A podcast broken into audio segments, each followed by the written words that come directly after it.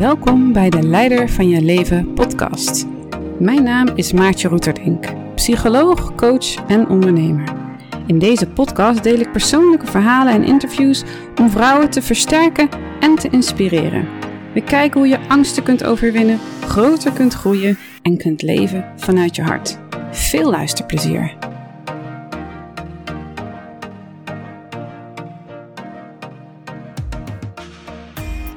Deze zomer kreeg ik de kans om met een vriendin naar Italië te gaan. Zonder gezin. Dus uh, mijn man die bleef bij de, bij de kinderen, bij onze dochters. En um, die vriendin en ik gingen naar Albagnano, een plekje in Italië waar een retraitecentrum zit. Een boeddhistisch centrum waar ik al, ik denk, een jaar of dertien ongeveer kom.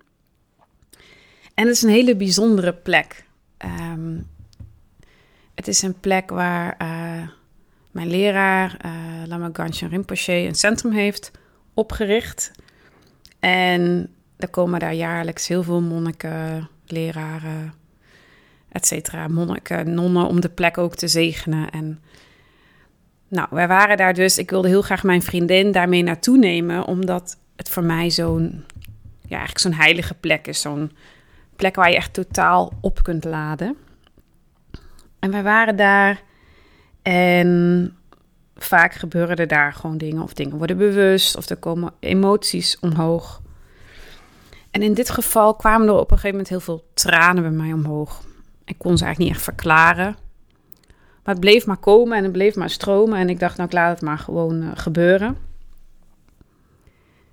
En toen um, zaten we op een gegeven moment in de, een van de meditatieruimtes waar les werd gegeven door, uh, door een leraar.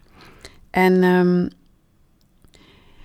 en ik merkte dat nadat die tranen zo'n beetje waren opgedroogd, dat, er, dat mijn hart helemaal open ging. En dat was een hele mooie, zachte ervaring. Ik, ik denk niet dat mijn hart heel erg dicht zat daarvoor. Maar ineens voelde ik heel veel liefde voor de mensen om mij heen. Er was ook nog een hond in die ruimte. Ook voor die hond voelde ik heel veel liefde.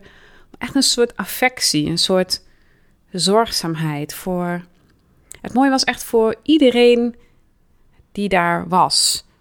En ik dacht altijd wel dat mijn hart dus redelijk open was. ik denk dat dat ook wel zo was. Maar dit was alsof het nog, nog verder opende.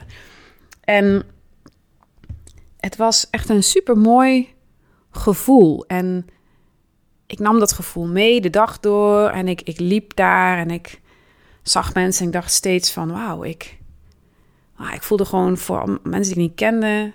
Zo zorg, zo affectie. Um, heel erg een gevoel van ja, iets wat van binnen naar buiten straalt, zeg maar. Heel vrij gevoel.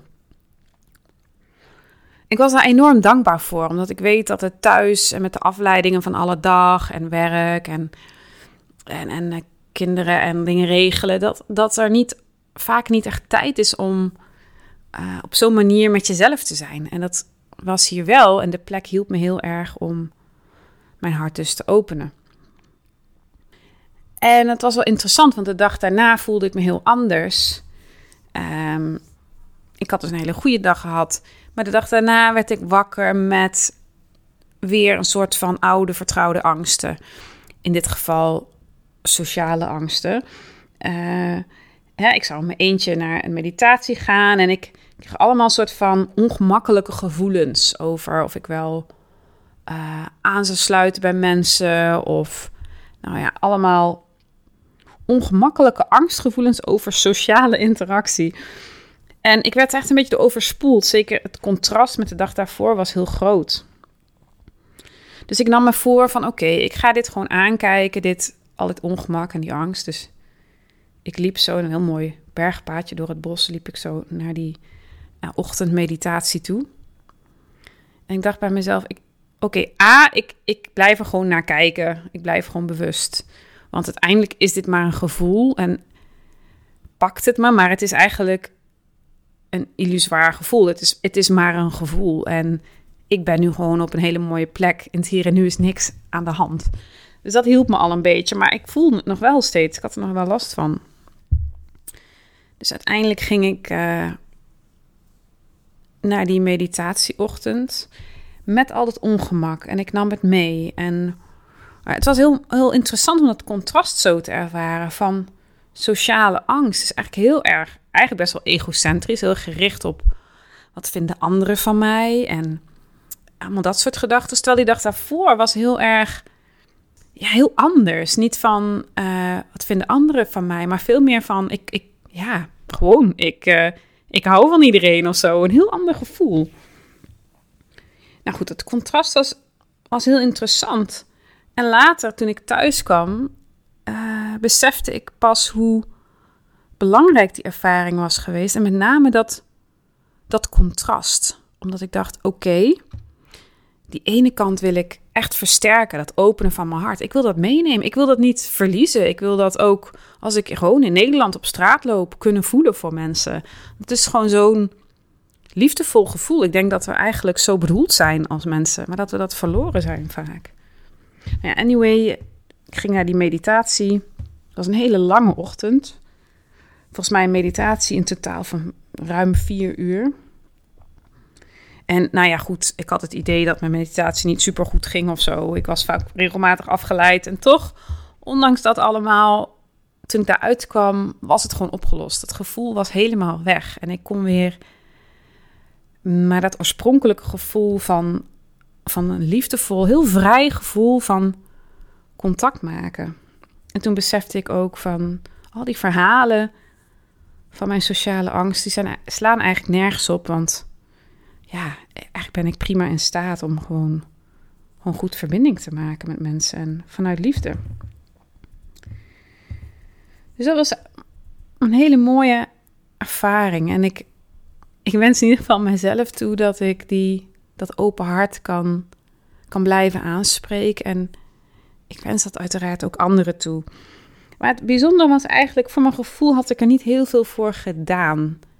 Heb ik niet heel bewust iets, een, hè, iets gedaan, een, een actie of zo. Het, het gebeurde eigenlijk door daar te zijn.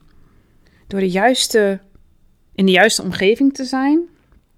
Met de juiste nou, invloeden, de juiste condities waardoor dat uh, kon gebeuren. En dat vind ik wel interessant, omdat ja, ik denk vaak aan wat kan ik doen om een situatie te beïnvloeden. En eigenlijk was dit vooral een, een toelaten van, van, nou ja, van emoties, een toelaten van het, het opengaan van mijn hart. Het, ja, en uiteindelijk natuurlijk had ik de keus om daarheen te gaan, om, om mezelf bloot te stellen aan die situatie. Maar ik vraag me wel eens af, uh, moeten, we, moeten we zo ons best doen om, om te groeien? Of, of is het meer een kwestie van de juiste condities creëren en dan gewoon het leven toelaten of zoiets? Um, en ik krijg steeds meer het gevoel dat dat eigenlijk om het laatste draait. Dat we het leven kunnen toelaten en niet uh, zelf tussenin gaan staan, waardoor het niet meer kan stromen. stromen. Goed, dat was mijn verhaal voor vandaag. Um, en een soort staartje aan dit verhaal is: uh, het is mijn, mijn diepe wens om uiteindelijk ook op deze plek zelf uh, retraites of weekenden te gaan organiseren. Omdat ik zelf merk hoe ontzettend uh, goed het doet om daar te zijn op die plek met die zuivere energie, et. Dus mocht je dat interessant vinden, het kan nog een tijdje duren voordat het gebeurt, maar hou dan mijn uh, website in de gaten: www.leidervanjeleven.nl. Doeg!